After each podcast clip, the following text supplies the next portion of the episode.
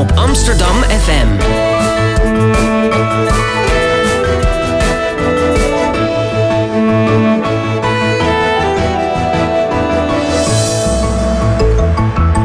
Radio Swammerdam. Goedemorgen luisteraars en welkom bij een nieuwe aflevering van Radio Swammerdam, uw lievelingsprogramma over wetenschap. Mijn naam is Aafke Kok en vandaag trakteer ik jullie op mijn eerste uitzending over wetenschap en klimaat.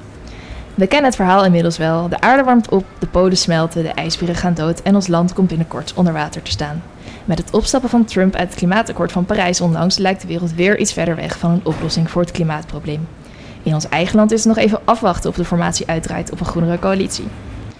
Gelukkig gebeuren er ook een hoop goede dingen ten behoeve van een duurzamere wereld.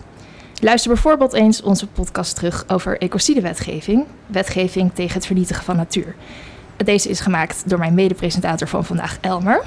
Welkom, Elmer. Welkom. Elmer, heb jij iets met klimaat? Ja, zeker. Ik uh, denk dat iedereen wel iets met het klimaat heeft of zou moeten hebben. Uh, daarnaast heb ik me ook een tijdje ingezet voor uh, Stichting Stop Ecocide. Je noemde het net al even. Ja. En die stichting zet zich in voor internationale wetgeving die genocide tegen de natuur strafbaar stelt. Op dit moment zijn er eigenlijk geen internationale wetgevingen die, uh, die, waarmee eigenlijk multinationals uh, veroordeeld kunnen worden als zij schade berokkenen aan de natuur.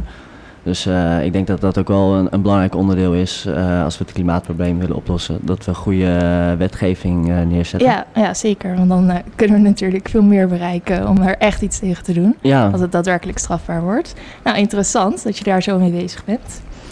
Um, in de wetenschappelijke wereld bestaan er heel veel groene initiatieven in uiteenlopende vakgebieden. Uh, hierover worden dus net al uh, het recht bijvoorbeeld. En hierover gaan wij het vandaag ook hebben met Bram van de Putten, lid van het iGEM-team van Amsterdam. iGEM staat voor International Genetically Engineered Machine, als ik dat goed zeg.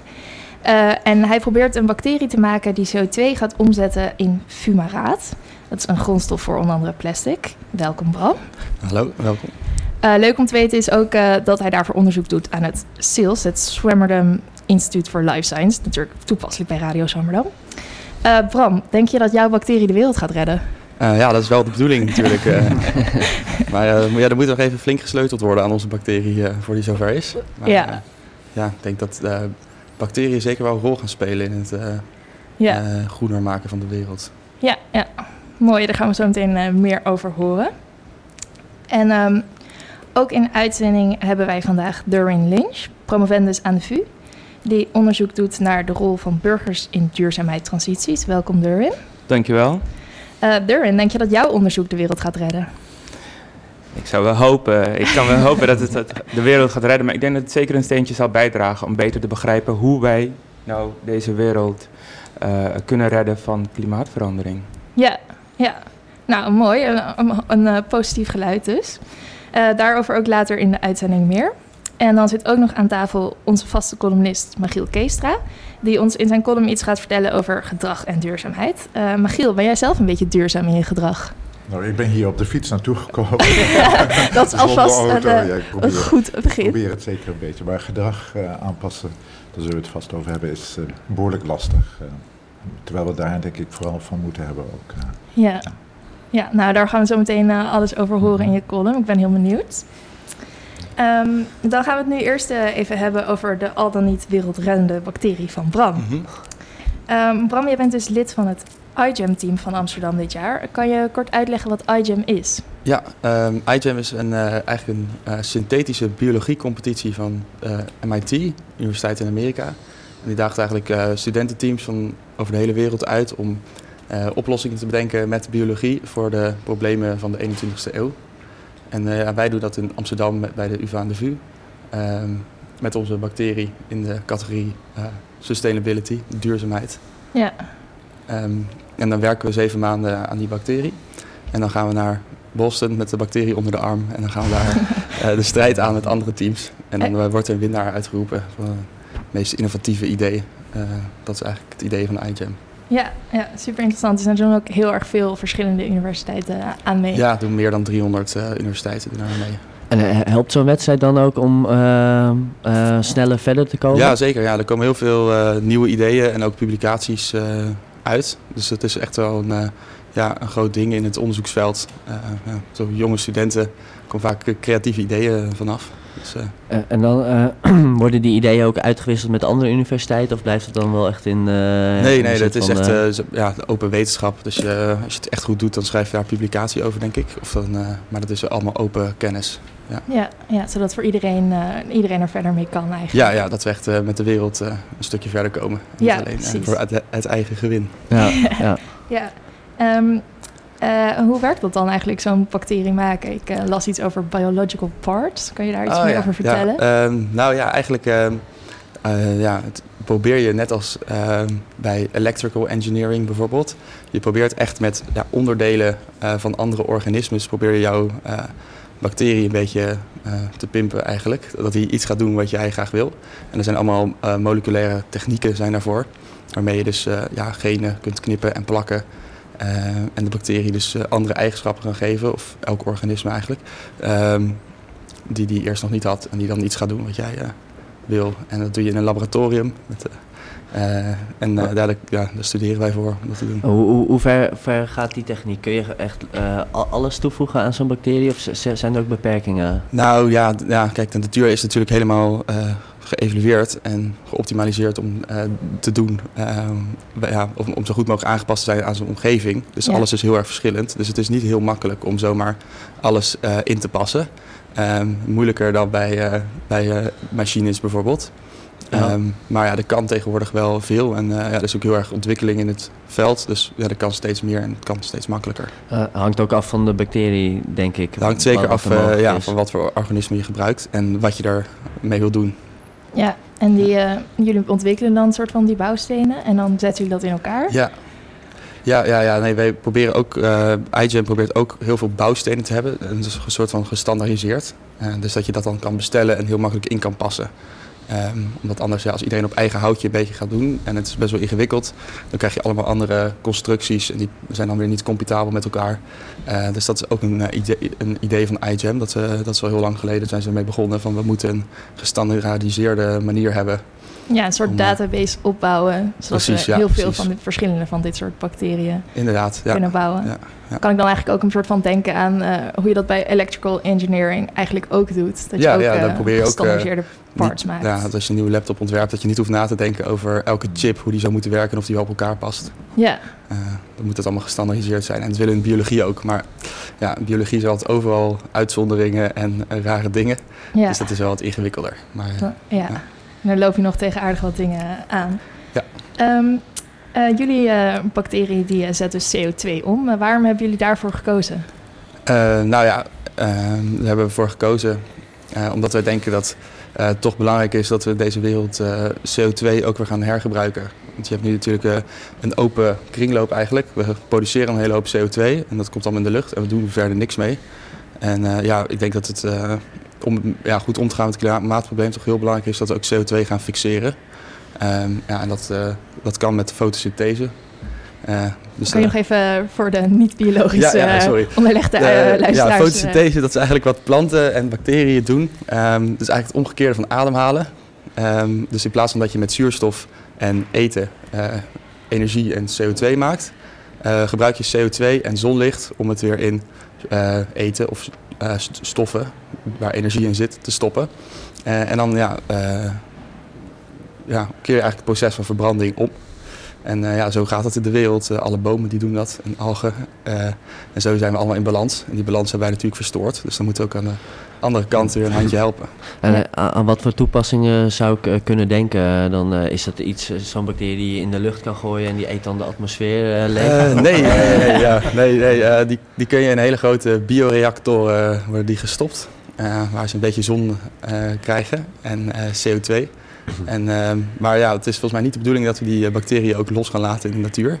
Want ja, je hebt er natuurlijk wel aan gesleuteld en het is genetisch gemodificeerd. En ja, we zijn er als wereld nog niet helemaal over eens hoe we daar nou mee om dienen te gaan. Dus voorlopig houden die nog...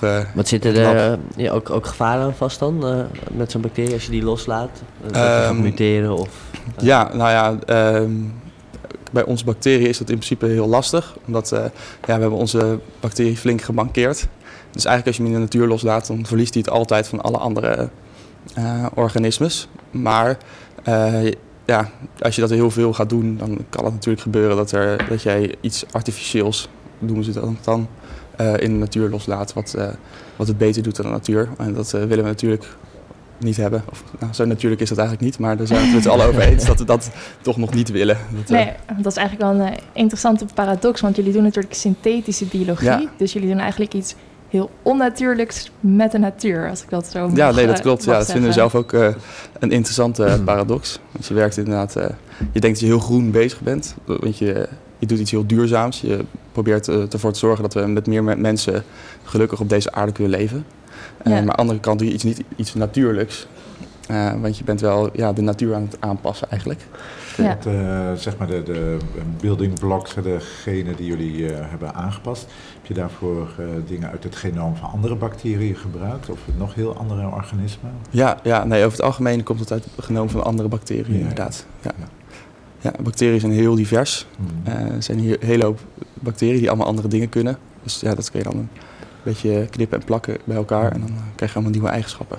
Heb je daar toevallig nog een leuk voorbeeld van, van een bepaald gen wat jullie eh, ergens uit hebben geknipt en geplakt? Ehm, even denken. Ehm, nou, het eh, YFP-gen gebruiken we veel. Dat, is een, eh, een, dat komt trouwens uit een vis. Maar dat is iets wat licht geeft in het donker. En ja, in- ik vind dat heel bijzonder dat er dus natuurlijke stofjes zijn die vanzelf licht gaan geven als je er eh, licht op schijnt. En eh, dat is heel handig om eh, te kijken of de bacterie ook echt het gen heeft gekregen wat jij eh, erin hoopt te stoppen. Dus dat ah, oké, dus het is meer een soort van controle van als ik dat Ja. gen er ook in stop, dan zie ik eh, dat dat in Ja, ieder geval gelukt ja, ja, is, want hij geeft licht. eh. Inderdaad, daar geeft licht. Ja, Ja, toch wel interessant dat je dus iets van een vis in een bacterie ja, ja, dat ik ook, ja. stopt. Ja. Ja, dat Ja. wordt ook wel in de, in de cognitiewetenschap, waar Ja, ik mezelf meer klopt, mee ja. bezig uh, houd, er ook gedaan om te kijken of in bepaalde delen van het brein, inderdaad onder Ja. invloed van licht, eh, eh, algen, dat zijn vaak de algengenen, Ja, nee, dat eh, eh, heb- heb- een respons geven, zodat je ziet precies eh, welke plekken in het eh, brein geactiveerd worden. Ja, ja, ook een Bij soort... eh, konijntjes en zo. Kan Ja. Maar je zei, zei zo even ook dat, dat er nog wel discussie is of, eh, tussen wetenschappers of we eh, dat wel moeten loslaten in de natuur of niet. Nou, ja, of we het moeten loslaten in de natuur, daar is, is iedereen het toch wel over eens volgens mij dat we het voorlopig niet gaan doen. Mhm. Maar of je er bijvoorbeeld voedsel mee wil produceren, daar zijn wel, eh, ja, daar zijn wel discussies over. En je zei net ook dat je plastic ermee kan produceren, klopt dat? Ja, ja, dus de stof die we maken, dat is eigenlijk een soort eh basis eh, chemical.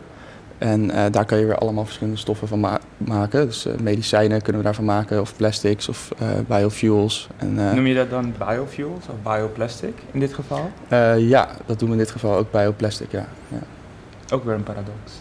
Eh, ja weet ik niet. Ja, Natuurlijke plastic door synthetische biologie. Ja. ja, ja, misschien wel. Ja, ja. Toch ook een beetje synthetisch inderdaad. Ja, want die, eh, dat fumaraat inderdaad, dat, eh, dat is dus wat jullie bacterie dan eh, gaat produceren. Ja, Ehm, en nou, hartstikke leuk dat je daar plastic van kan maken. Wat, wat kun je daar nog meer mee? ja, ehm, ja, je kan het in medicijnen stoppen. Eh, het werkt als actieve stof eh, voor psoriasis bijvoorbeeld. Eh, en een- Psoriasis is een huidziekte. Ja, psoriasis is een huidaandoening, inderdaad. Ja. En eh, wat ik dus ook een leuke toepassing vind, is dat je het toe kan voegen aan het eten van koeien. En dan eh, gaan koeien veel minder methaan uitstoten. Oh, nou dan hebben we weer een, eh, Ja. nog iets ja, goeds ja, voor... nog iets goeds. Ja. Want methaan is natuurlijk ook een broeikasgas. Inderdaad, ja. Daar Dus, moeten we ook eh, niet te veel van hebben. En eh, wordt dat eigenlijk nu veel gebruikt, dat fumaraat? Ja, dat wordt heel veel gebruikt. Ja, ja, dat is, eh, je hebt een soort van ranking van chemicaliën of eh, stoffen die we veel gebruiken. En daar staat fumaraat ook wel in de top 10 in de industrie. Dus eh, het is echt een, eh, ja, een, eh, een basisstof waar je vervolgens alles van kan maken. Want waar, waar komt het nu vandaan? En nu wordt het uit olie gemaakt.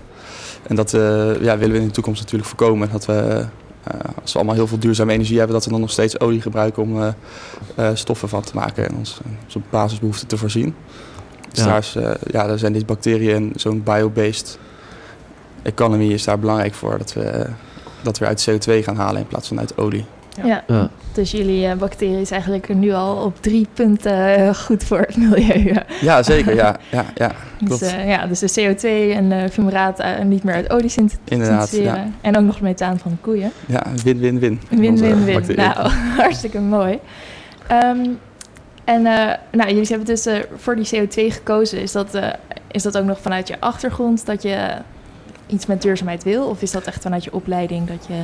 Eh, nee, dat is wel eh, voor mij en al onze teamleden eigenlijk wel vanuit onze achtergrond. Uh, ik studeer natuurlijk uh, biologie, of synthetische biologie. Eigenlijk, daar houden we ons veel mee bezig, maar we wouden eigenlijk wel heel graag onze expertise gebruiken om iets duurzaams mee te doen. Ehm, dus ja, daar zijn we allemaal wel veel mee bezig.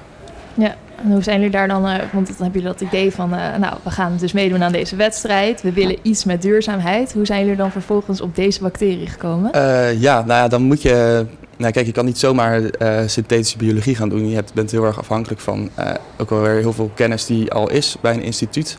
Dus toen zijn we rond gaan kijken op de UvA en de VU. En toen vonden we uiteindelijk ja, onze huidige begeleiders, Klaas Hellingwerf en Felipe Branco dos Santos. Ja, die hielden, te doen, hè? Ja, die hielden, zich al, uh, die hielden zich al heel erg bezig met deze bacterie. Dus daar konden we eigenlijk, uh, ja, onder hun uh, supervisie konden wij dit project gaan doen. En daar hebben we ook heel veel aan, omdat ze ja, toch wat, heel veel expertise hebben. En wij studenten zijn. Ja, ja want ze, ze, hadden dus al, de, de bacterie had al een soort van grondslag. Hij kon al iets voordat jullie er aan zijn begonnen. Ja, ja, ja klopt. Er werd al, uh, met deze bacterie werd al heel veel gedaan. En er waren ook al aanpassingen ingemaakt, waardoor die nog beter geschikt was voor ons project. Dus we hadden al een kleine head start om, ja. om mee te beginnen. Ja. ja, nou dat is mooi. Um, zijn er bij iGEM meer meer uh, teams die voor zo'n duurzaam thema kiezen? Ja, er zijn heel veel teams die uh, dat doen. En ook, ook heel veel teams die dan zo'n een zogenaamde celfabriek maken. Dat is eigenlijk wat wij ook doen. Uh, maar heel veel teams doen dat eigenlijk met bacteriën die suiker gebruiken als, als grondstof. En daar stoffen van proberen te maken. En niet CO2, dus niet de directe conversie. En ja, wij vinden dat natuurlijk beter.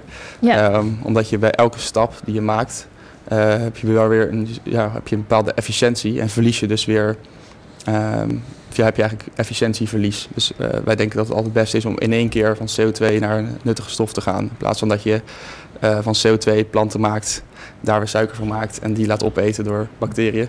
Dan verlies je veel, denk wij. En wanneer, wanneer zou zo'n techniek toepasbaar kunnen zijn? hoe lang gaat het ongeveer duren? Nou, het wordt al toegepast door universiteiten en bedrijven over de hele wereld. Dus ik denk niet dat het meer heel lang gaat duren voordat we er echt de, de implicaties van gaan ondervinden in onze maatschappij. En dan, en dan uh, want je zei er moet eigenlijk dat CO2 moet volgens mij dan opgevangen worden. En, en, ja. en daarna door die bacterie opgegeten worden. Inderdaad, ja, ja, daar komt eigenlijk wel op neer. Dus dan, dan zou je in theorie misschien wel schone, echt schone kolencentrales kunnen maken als je het allemaal zou kunnen opvangen. Mm, ja, ja, dat zou kunnen mits de bacterie 100% van alle CO2 uh, opeet. Ja. Want, uh, hoe uh, efficiënt is hij dan nu? Um, Ongeveer? Nou, um, nou, dat is lastig te zeggen. Um, want de efficiëntie hangt niet helemaal af van uh, de hoeveelheid CO2 die hij gebruikt, maar uh, meer van de hoeveelheid zonlicht die hij omzet mm. in energie die hij weer in uh, stoffen stopt. Ja. Um, maar laten we zeggen dat hij uh, nog niet helemaal klaar is voor het, uh, voor het grote werk, onze bacterie. Ja. Uh, maar het gebeurt ook in grote kernreactoren, zei je? Nee, in bioreactoren. Bioreactoren. Ja. dus, nee, er komt geen kern aan te passen. Okay. Grote bioreactoren? Ja. Waar komen die te Hoe groot is zoiets? Um, nou, dat, ja, dat, dat, dat is idealiter zo groot mogelijk. Dat je zoveel mogelijk bacteriën erin kan stoppen. Uh, maar wij houden ons meer met dus de cel bezig en hoe het op gigantische schaal gaat. Daar ehm, weet ik niet alles van. Dus dan ga ik nu een beetje over speculeren. Ja. Maar ja, daar heb je in ieder geval zon en CO2 en dan een hele hoop water voor nodig waar die bacterie in kan zwemmen. en dan, ja, dan, ehm, ja, dan, dan kan dat op, ja, denk gewoon fabriekschaal. Dus dat, wil je impact maken, moet dat natuurlijk ook. Ja, nee, maar dat, dat opschalen, daar komt nog, uh, komt nog van alles bij kijken waar jullie je nog niet zo heel erg mee bezighouden. Ja, dat klopt. Ja, ja, ja. Meer eerst de, de bacterie goed werkend uh, Inderdaad, maken. Inderdaad, dan komt het opschalen daarna. Ja. ja. En dan ben je dan, uh, als ik me zo voorstel wat je op zo'n dag doet, ben je dan vooral echt in het lab bezig of ben je meer achter de computer aan het bedenken van hé, hey, misschien kan ik dit gen uit deze vogel ja. wel implementeren in mijn bacterie? Nou, dat doen we allebei eigenlijk. Dus je bent uh, experimenten aan het doen, maar bij experiment moet je ook heel lang wachten. Dat is net een soort uh, koken. Dus uh, dan moet er weer een uur gewacht of twee uur gewacht. En dan heb je, kan je naar de computer rennen en dan kan je daar snel dingen uit gaan zoeken over andere genen. Of nadenken hoe je jouw wetenschap naar de maatschappij communiceert. En eh, dat soort dingen houden we ons dan mee bezig. Maar we zijn wel eh, ja, veel in het lab bezig inderdaad. Ja, ja want ik had eh, begrepen dat jullie in jullie team ook eh, een vluchteling hebben en eh, iemand van politicologie. Ja, dat Die, klopt. eh, wat eh, doen die in je- jullie team? Nou ja, wij vonden het heel leuk om ook ehm, eh, om het een beetje eh, interdisciplinairder te maken. Want dat is natuurlijk ook de realiteit in de echte wereld straks. Dat je niet alleen maar met je eigen mensen uit je eigen vakgebied eh, bezig bent. Maar dat je ook eh, met mensen uit andere vakgebieden bezig bent. En dat is ook heel leuk en nuttig. Want mensen hebben allemaal andere ideeën. En eh, ja, ehm, Mohammed is inderdaad een eh, vluchteling die onze website maakt. En eh, ja, dat vonden we ook eh, belangrijk om, eh, om eh, ja, mensen een kans te bieden waar we dat kunnen. Want dat is natuurlijk eh, ja, voor ons eigenlijk heel makkelijk om iemand een kans te bieden. En die mensen, voor Mohammed heeft daar heel veel aan. Dus eh, Ja, ja, die, nog meer voor de betere wereld. ja, ja, ja. de- Heeft het ook geleid tot nieuwe inzichten? Want je zei, ik hoorde ook een politicoloog. Ja. Ja. Heeft het ook geleid tot nieuwe inzichten voor jullie onderzoek? Dat jullie in zo'n interdisciplinair team werken?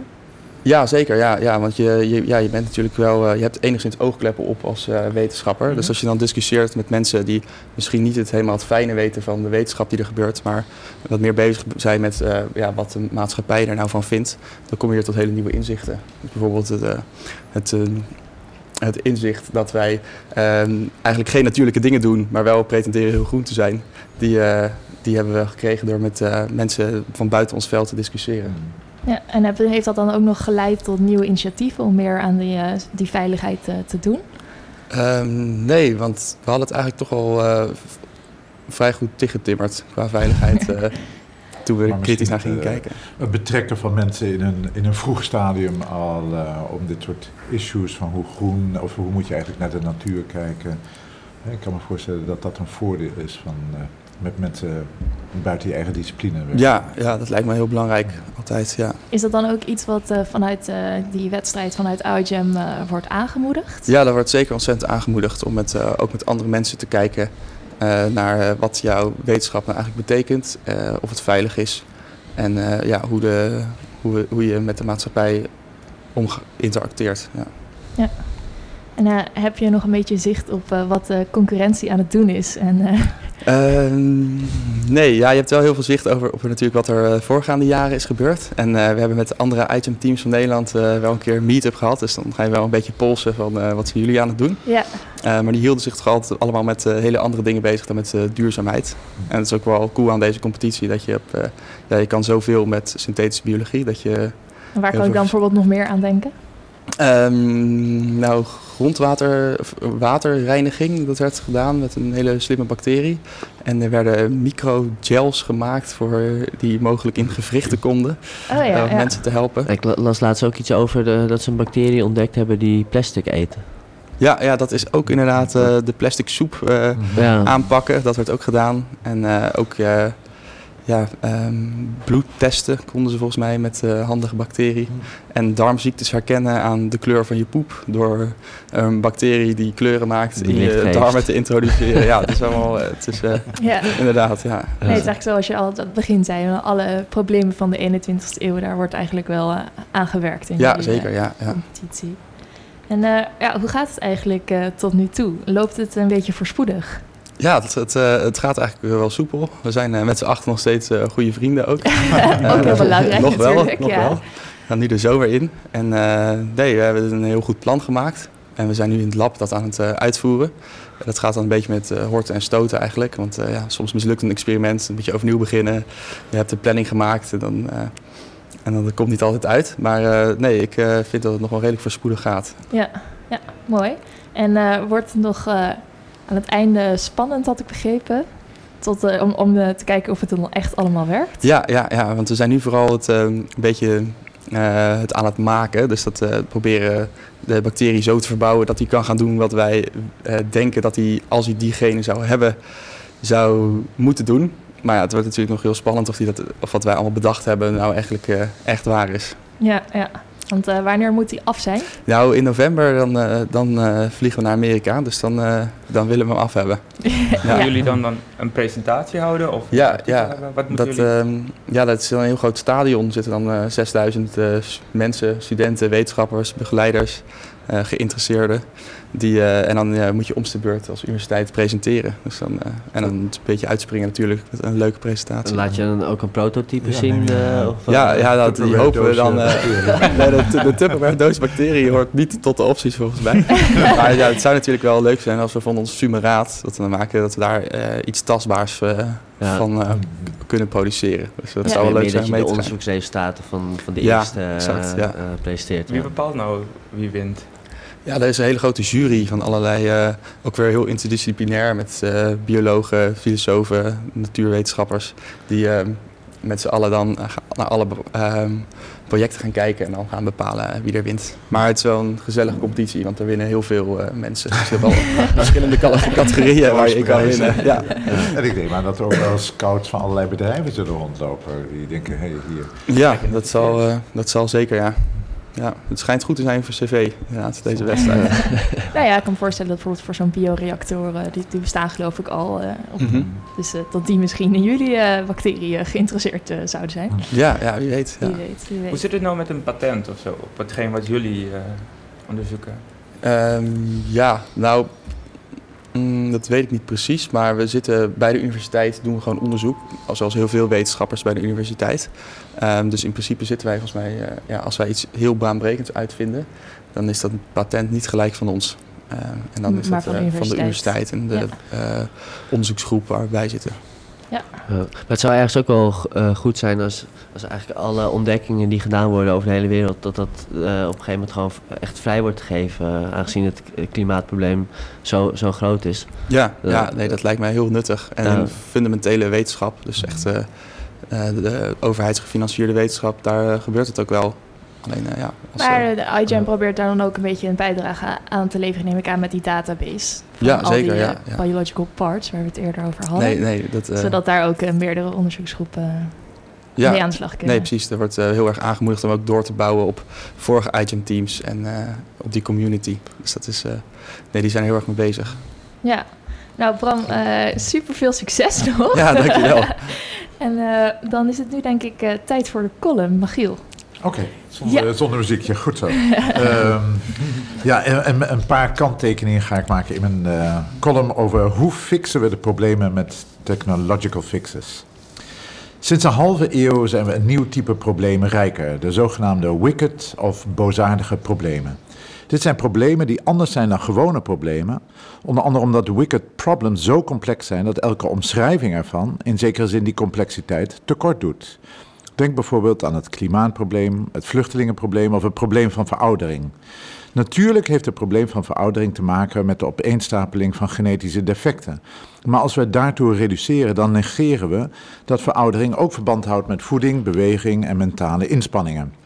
Zo heeft het vluchtelingenprobleem in Europa te maken met religieuze spanningen en tribale conflicten in het Midden-Oosten, maar ook met droogte en politieke onmacht aldaar.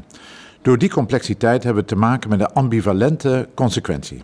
Enerzijds lijken we onmachtig om iets aan zo'n veelomvattende situatie te veranderen, terwijl we anderzijds juist aan de verlokking blootstaan om simpelweg een oplossing te bedenken voor een van de vele aanknopingspunten van zo'n veelzijdig probleem.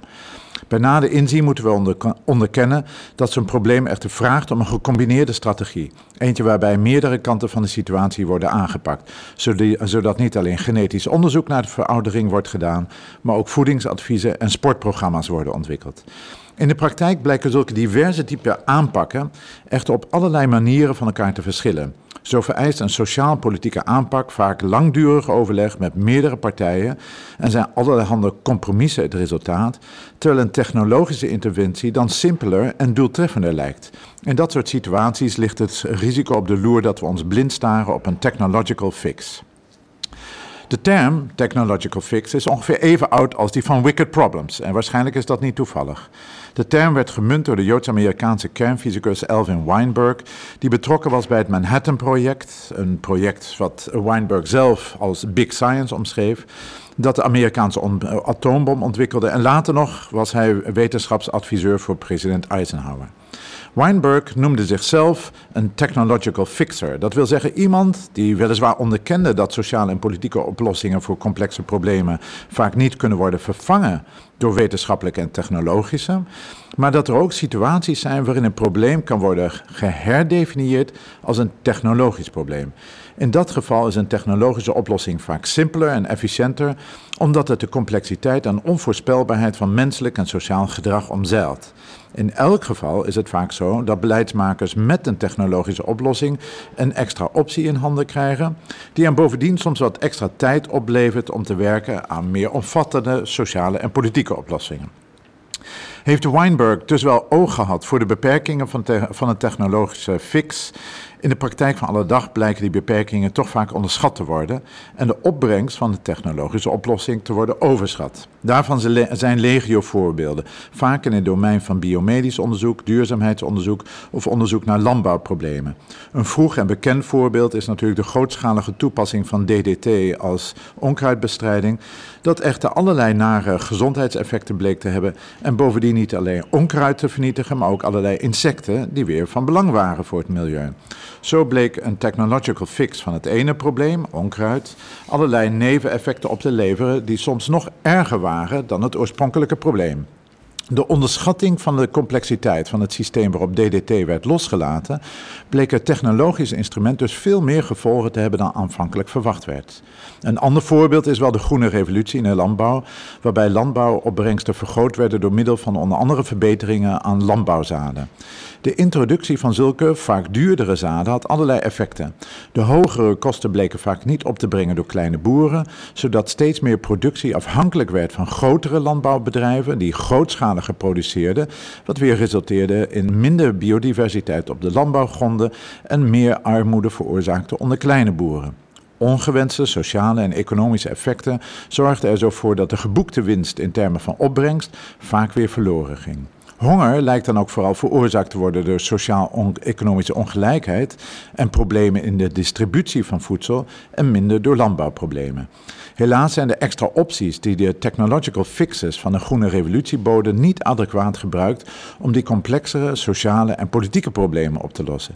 Integendeel, volgens een brief uit 2004 van critici aan de Internationale Voedsel- en Landbouworganisatie FAO heeft het nieuwe technologie juist bijgedragen aan het versterken van structuren die bijgedragen hebben aan honger als een mondiaal probleem. De urgentie namelijk om het complexe probleem op mondiale schaal aan te pakken werd er ogenschijnlijk door verminderd.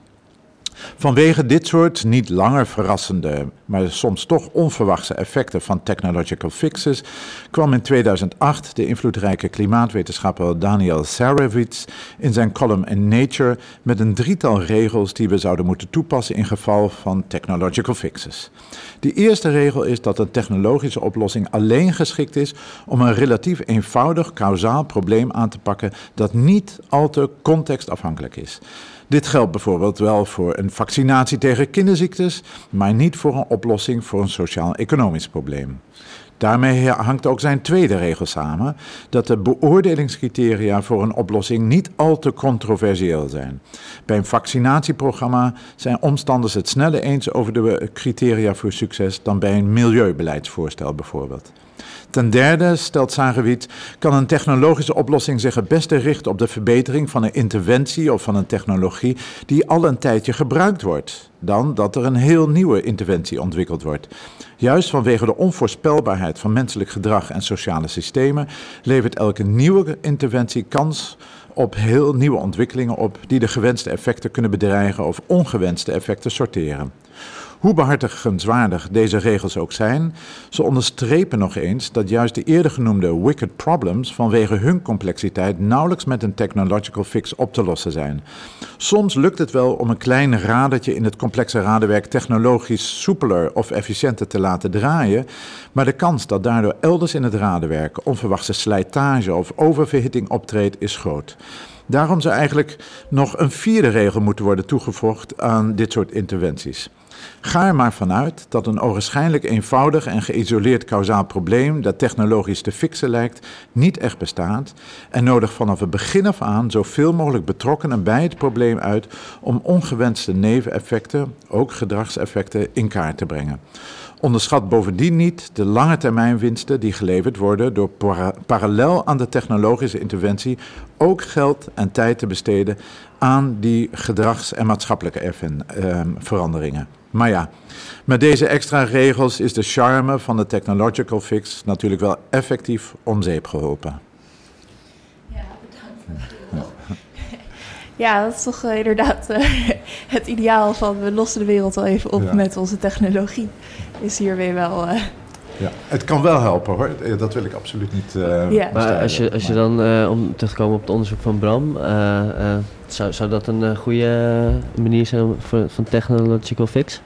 Ehm, dat is een, een voorbeeld van een technolo- technological fix. Hè, maar ik denk dat het heel goed is, eh, dat doen jullie misschien al, of zeker wanneer je het verder gaat implementeren om systeembiologen, maar inderdaad ook eh, ehm, economen en zo erbij te betrekken om te kijken wanneer wat, wat gaat er gebeuren als we het gaan opschalen bijvoorbeeld, waar gaan we het neerzetten, zijn er eh, risico's op biohazards, ehm, allemaal van dat soort zaken waar je vanuit het, het lab niet altijd evenveel eh, zicht op hebt. Eigenlijk de vraag, is een technological fix ook wel een socio-technological Ja. fix? Ja, ja. Dit raakt ook al een, eh, beetje jouw onderzoek aan. eh, Zeker, ik voel Mhm. helemaal... Ja, ja, dat dacht ik al dat het een aardige brug zou zijn. ja. Ja, ja. Nee, eh, we hebben dus eh, nu in de uitzending eh, gehoord hoe synthetisch biologen een bijdrage proberen te leveren aan een duurzamere wereld. En we hebben nu van Michiel ook gehoord hoe belangrijk het is dat er eigenlijk ook iets in ons gedrag verandert. En dat we ook aan de sociale aspecten moeten denken. Ehm, en dat sluit inderdaad denk ik heel goed aan bij het tweede deel van onze uitzending, waarin we verder praten met Durin Lynch. Eh, want eh, met die technologie van de beta's alleen zijn we er denk ik nog niet. Dat klopt denk ik, toch Durin? Nee, dat klopt. En dat weten we denk ik ook inmiddels eh, met z'n allen heel goed. Dat we breder moeten kijken. We moeten ook nadenken over hoe en waar de technologie gaat belanden straks. En daarbij hoort dus ook inderdaad andere groepen, andere perspectieven binnen het proces halen van of technologieontwikkeling, maar ook beleidsformulering. Het is heel belangrijk. Ja, ja. En ik eh, begreep dat jij eh, eh, vindt dat we, we moeten over naar een bio-based economy. Kun je uitleggen wat zo'n bio-based economy is en wat we nou moeten ontwikkelen om daar te komen, behalve die technologie zoals die bacteriën van Bram met zijn biofuels? Nou, behalve dat ik het vind, denk ik dat het heel urgent is voor iedereen. Ehm, fossiele grondstoffen raken op. Ehm, we kunnen biomassa tegenwoordig gebruiken om bio-energie te maken, om bioplastics te maken. En dat zijn toepassingen die heel nuttig zijn en belangrijk zijn voor onze maatschappij. En de maatschappij die we inmiddels hebben gecreëerd, dat wij heel veel consumeren. We willen heel graag eh, goederen importeren uit Azië om ons huis eh, heel mooi en heel exotisch te maken. Eh, maar we gebruiken ook heel veel plastic. Dus ik denk dat zulke toepassingen, ook wat Bram net heeft verteld, heel belangrijk zijn om de vraag die, die leeft binnen de maatschappij te adresseren. En, en daar, daar hoort ook onderzoek bij. Hoe kunnen we dat efficiënter doen? En hoe wenselijk zijn nou die technologierichtingen die passen binnen deze domeinen? En de biobased economy is heel kort gezegd niks anders dan biomassa, dus planten, bladeren, algen, hout, omzetten in bioplastics of, of biomaterialen, eh, energie, bio-energie. En dan zijn we dus eigenlijk helemaal af van de fossiele grondstoffen, zeg maar. Ik zou niet zeggen dat we er af van moeten zijn. Ik denk dat we anders moeten denken over hoe- waar onze eh, eh, producten vandaan komen. En we moeten keuzes maken. Waarvoor gaan we nou de resterende aardolie gebruiken? Ehm, en wat kunnen we verder inzetten om nog steeds onze mindset of onze consuming society in stand te houden? En Ja. daar zijn technologieën van de biobased economy bijvoorbeeld eh, toepasbaar voor. eh, eh, wat, wat is er volgens jou nodig om, eh, om die overgang eh, te bewerkstelligen? Een grote, en dat, dat vind ik ook zelf heel interessant. Ik denk dat de maatschappij hierin mee moet. En wat ik net hoorde over het gedrag van de maatschappij, dat speelt, en, en, en de mentaliteit van de maatschappij speelt een hele belangrijke rol. Ik denk dat wij als onderzoekers, als beleidsmakers, technologieontwikkelaars heel goed weten eh, waar we heen gaan. Eh, tegelijkertijd weten wij ook dat er een hele grote maatschappij is en alles wat wij doen, onderzoek, technologieën die worden ontwikkeld, die belanden in de maatschappij. En je wilt ook dat deze technologieën in de maatschappij belanden waar ze worden omarmd. En wat jij net vert- vertelde over de wicked problems is natuurlijk waar het hier om gaat. De maatschappij heeft soms andere, een andere kijk op, op, op de urgenties uh, uh, van, van de energietransitie of op de ontwikkeling van technologieën. Um, en als je wil dat zij dat omarmen, dan moeten we toch gaan nadenken over hoe we die maatschappij nou meer kunnen betrekken in deze, in deze transitie. Mm. Maar denk je ook dat het uh, een neoliberalisme met oneindige groei, kan dat uiteindelijk samengaan met uh, duurzaamheid? Waarom niet? Uh, nou ja, ik, ik zou zelf zeggen van de meest duurzame consumptie is niet consumeren of heel veel minder. dus als je een samenleving hebt die gebaseerd is op oneindige groei, betekent dat je eigenlijk oneindig meer meer gaat consumeren. Ja, nou ja, inderdaad. We zouden in, met z'n allen ook minder kunnen consumeren. Um, tegelijkertijd is dat een, misschien een hele simpele ideologie. Minder consumeren. We moeten ook nadenken over hoe de maatschappij zelf nu groeit en hoe kunnen we dat nou aanpakken. En dat betekent niet alleen mensen zeggen minder consumeren, dat betekent ook mensen zeggen maak bewuste keuzes. Waarom consumeer je nou? En waarvoor gebruik je hiervoor energie? Hoe zou je nou daarop kunnen besparen? Dus niet zozeer minder consumeren, maar gewoon beter, bewuster keuzes maken. Ik denk dat mensen, als zij beter geïnformeerd zijn, als ze ook openstaan voor die informatie, dat zij ook bewustere keuzes kunnen maken. En dat betekent niet per se minder consumeren, maar dat betekent anders consumeren. Ja, als nou, ik meer, denk vaak ook wel echt uh, uh, minder. Hè? Een van de, de um, negatieve effecten die de introductie hè, van, van een bacterie die uh, bioplastic maakt, zou kunnen zijn dat mensen denken van oh, plastic is nu geen probleem meer. En dat ze dus allerlei plastic goederen nog evenveel of, of zelfs nog meer blijven consumeren. Waardoor eigenlijk de potentiële winst die de nieuwe bacterie oplevert, teniet wordt gedaan. En ik denk dat, uh, dat een neoliberale consumptiemaatschappij wel aan dat risico bijdraagt. Ja. Dus ik denk dat het moet gepaard gaan met Zeker, ja. vermindering van uh, consumptie. Maar zou, zou dat iets zijn wat je met, met burgerinitiatieven... Uh, dat je die, dat je die ne negatieve effecten zou die eruit kunnen halen? Um, het geeft in ieder geval meer ruimte voor de discussie. Hmm. Hè? Als je meerdere stakeholders bij elkaar hebt, uh, het geeft nieuwe inzichten, uh, toch een andere kijk. En als je dat meeneemt in het besluitvormingsproces, dan denk ik dat je komt tot substantieel uh, wat meer geïnformeerde beslissingen. En ik denk dat we moeten kijken of die beslissingen goed uitpakken en hoe die uitpakken. En daar richt mijn onderzoek zich op. Um, gewoon alsmaar iedereen betrekken. En dat idee van participatie is ook niet per se waar ik helemaal achter sta. We moeten wel goed nadenken over welke burgers we betrekken, wanneer in het proces. Wat is nou het onderwerp? Ik denk dat al die dingen een, een rol spelen in, in, in goede informatie halen om goede keuzes te maken. En kan je daar eh, misschien iets meer over vertellen van de, eh, wat voor soort kennis moeten die burgers nou hebben om relevant te zijn, om uh, iets bij te dragen aan de biobased economie? Ik denk niet dat burgers een speciale kennis moeten hebben, want de expertise wat wij juist zoeken bij burgers is juist de ordinary citizen, is de burger zoals die hier loopt in Amsterdam. En die hoeft niet zichzelf per se uh, uh, extra te informeren om een substantiële bijdrage te leveren. Wel moet die burger bewust zijn dat zijn, zijn stem, of hetgeen wat hij zegt, een grotere groep representeert. En um, als, je, als zo'n burger die dan een input geleverd uh, daar bewust van is, dan denk ik dat hij dan automatisch ook zal nadenken hoe valt nou zo'n technologie of zo'n een, een ja, beleidsstrategie nou binnen de samenleving, hoe kijken we daarnaar? En ik denk dat hij vanuit juist dat perspectief een input moet leveren. Ja, ja, want eigenlijk zijn natuurlijk ook, het is voor alle burgers in principe relevant natuurlijk, het klimaatprobleem. Het klimaatprobleem is voor alle burgers interessant en belangrijk. Want je, je zei al van het, is uh, contextafhankelijk van wanneer je die burger in, uh, burgers wel betrekt en, en, wanneer niet. Maar heb je voorbeelden van wanneer het wel goed is en een situatie waar het misschien. ja, om terug te grijpen naar de biobased economy. Um, we hebben heel lang gedacht, biobased economy gebruiken wij als containerbegrip. En uh, zelfs onderzoekers onderling zijn het er nog niet altijd over eens wat nou echt de biobased economy is. Laat staan een burger die je dan wil betrekken in een discussie over de biobased economy. Ja. Um, in een onderzoek dat we hebben gedaan, hebben we dat concept niet gebruikt. We hebben niet gezegd het gaat hier over de biobased economy. Totaal niet. We hebben focusgroepen gehouden met burgers. Dus met burgers gesproken Een over de focusgroep is, eh, is er voor de niet eh, sociaal onderlegde Ja, het is ons. een kwalitatieve onderzoeksmethode waarbij je met een groep diverse burgers, die eigenlijk een soort van de maatschappij weerspiegelen, samen zit en gaat praten over een bepaald onderwerp. Ja. En eh, tijdens zo'n focusgroep discussie komen dan bepaalde onderliggende waardes naar boven. En ehm, ook kan je zien hoe mensen hun argumentaties formuleren. Dus zo kan je een beetje inzicht krijgen in wat nou zo'n maatschappij eigenlijk goed vindt en minder goed en waarom.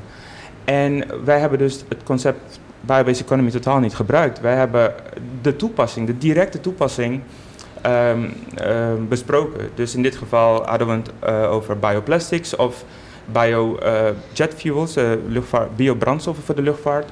Of ehm, ja, we hadden een kleinschalige bioreactor nagebootst voor boeren in, in de Achterhoek. En je zag dat mensen totaal verschillend dachten over bioplastics vergeleken met bijvoorbeeld biobrandstoffen voor de luchtvaart. Een bioplastics is, is, is straks een product wat een, een burger gewoon gaat kopen in een supermarkt. Daar zal hij misschien wat meer voor moeten betalen. Ehm, hij wil ook weten waar het vandaan komt. Terwijl een bio, biobrandstof voor de luchtvaart wil een burger misschien niet 50 euro meer gaan betalen om te vliegen op, op, op brandstof, terwijl hij daar eigenlijk indirect eh, eh, gebruiker van is. Dus dan gaat hij anders nadenken over vliegen helemaal. Maar het probleem van plastic is veel dichter bij de burger. Ja. Dus zo zie je dat de biobased economy een veel te grote complexe containerbegrip is. En dat er eigenlijk niet één mening vanuit de maatschappij hier aan, aan vastgemaakt kan worden. Eh, we moeten dat ook wel hapbaar maken voor de burger als wij duidelijk een goede mening van hun willen hebben over deze verschillende technologieën. Dus ik, eh, ik- je kan de bur- burger het beste betrekken bij onderwerpen waar die ook wat mee heeft. Er, het moet, we hebben het over verschillende stakeholders betrekken. Dus een Ja. complex probleem er zijn er verschillende perspectieven. De stake, in dit geval, van elke stakeholder moet helder zijn. Dus de burger moet ook weten waarom ik in dit gesprek nou betrokken ben. En dat is veel duidelijker voor een burger die dan meteen een, een, link kan maken naar hoe die technologie of die, of die toepassing nou invloed heeft of een, een link heeft met zijn eigen leven. En dat zijn bijvoorbeeld bij bioplastics is dat veel duidelijker. En is het probleem van, van de plastic soep leeft ook onder burgers. Terwijl nou als vliegtuigen nou een keuze moeten maken tussen biobrandstoffen of gewone eh, eh, fossiele grondstoffen, daar, daar heeft een burger veel minder mee te maken. Tenzij je de prijs omhoog gaat halen, dan wordt het wel interessant. Ja, dus misschien ook juist, eh, je moet juist die begrippen ook wat concreter maken om die burger er meer bij te betrekken in feite. Ze spreken een andere taal. En als wij het hebben over eh, mensen moeten gelijke kansen krijgen om ook hun opinievorming eigenlijk te kunnen articuleren, dan moeten we nadenken over een andere taal die we met burgers gaan spreken. Ja, ja. Maar ja, ik weet, hè, bij ehm, allerlei projecten, zowel op het gebied van genetica, maar ook eh, bij nanotechnologie, eh, moet een bepaald deel van het onderzoeksproject worden besteed aan, aan ELSI-dingen, dus eh, Ethical, Legal, Social Implications. Ja. Om de, onder andere ook burgers te informeren, hè, om dus een deel van het eh, wetenschappelijk budget daar ook aan te besteden. En merk je dat als je dit soort gesprekken met focusgroepen voert, dat als je dingen gaat uitleggen, dat mensen dan ook opeens beseffen van hé, hey, dit gaat wel over mij, hier zou ik me wel mee bezig moeten houden. Ja, dat merk je inderdaad. Ehm, op het moment dat je het concreet maakt voor burgers in een taal dat zij ook kunnen spreken, ehm, dan merk je dat de hele sceptisch, het hele sceptisch denken Mhm. wegvalt en dat mensen ook het gevoel hebben dat ze daadwerkelijk wel kunnen vertellen wat nou hun ethische voorwaarden zijn of waarom ze nou eigenlijk het niet, waarom ze het niet mee eens zijn. Bijvoorbeeld als we het weer hebben over bioplastics, vinden ze het heel belangrijk dat we het plasticprobleem oplossen. Hè, dat we ook minder moeten consumeren. Maar tegelijkertijd wel moeten nadenken over hoe we, waar we nou de bioma- biomassa die we dan gaan verbouwen, waar komt dat nou vandaan en ten koste van wat? En zijn we dan wel bereid te investeren of, of, of een groen licht te geven naar bioplastics? Mhm. Maar dan geven we dan wel misschien land op dat ingezet kan worden om voedsel eh, te produceren. Of eh, eh, nou ja, biodiversiteit leidt er misschien ook wel onder. Ehm, nou, misschien om dat plastic probleem op te lossen zijn we daar wel bereid voor. Maar minder bereid voor in het geval van biobrandstoffen. Dus het opknippen en het duidelijker maken. Je merkt inderdaad dat mensen wel meer gaan nadenken over waarom ben ik het nou wel eens met deze specifieke toepassing van de technologie. Ja, dus En een, dat wil je, een beetje de ethische eh, waarden van de burgers ook een beetje in kaart brengen eigenlijk. onder andere, ja. Ja, ja.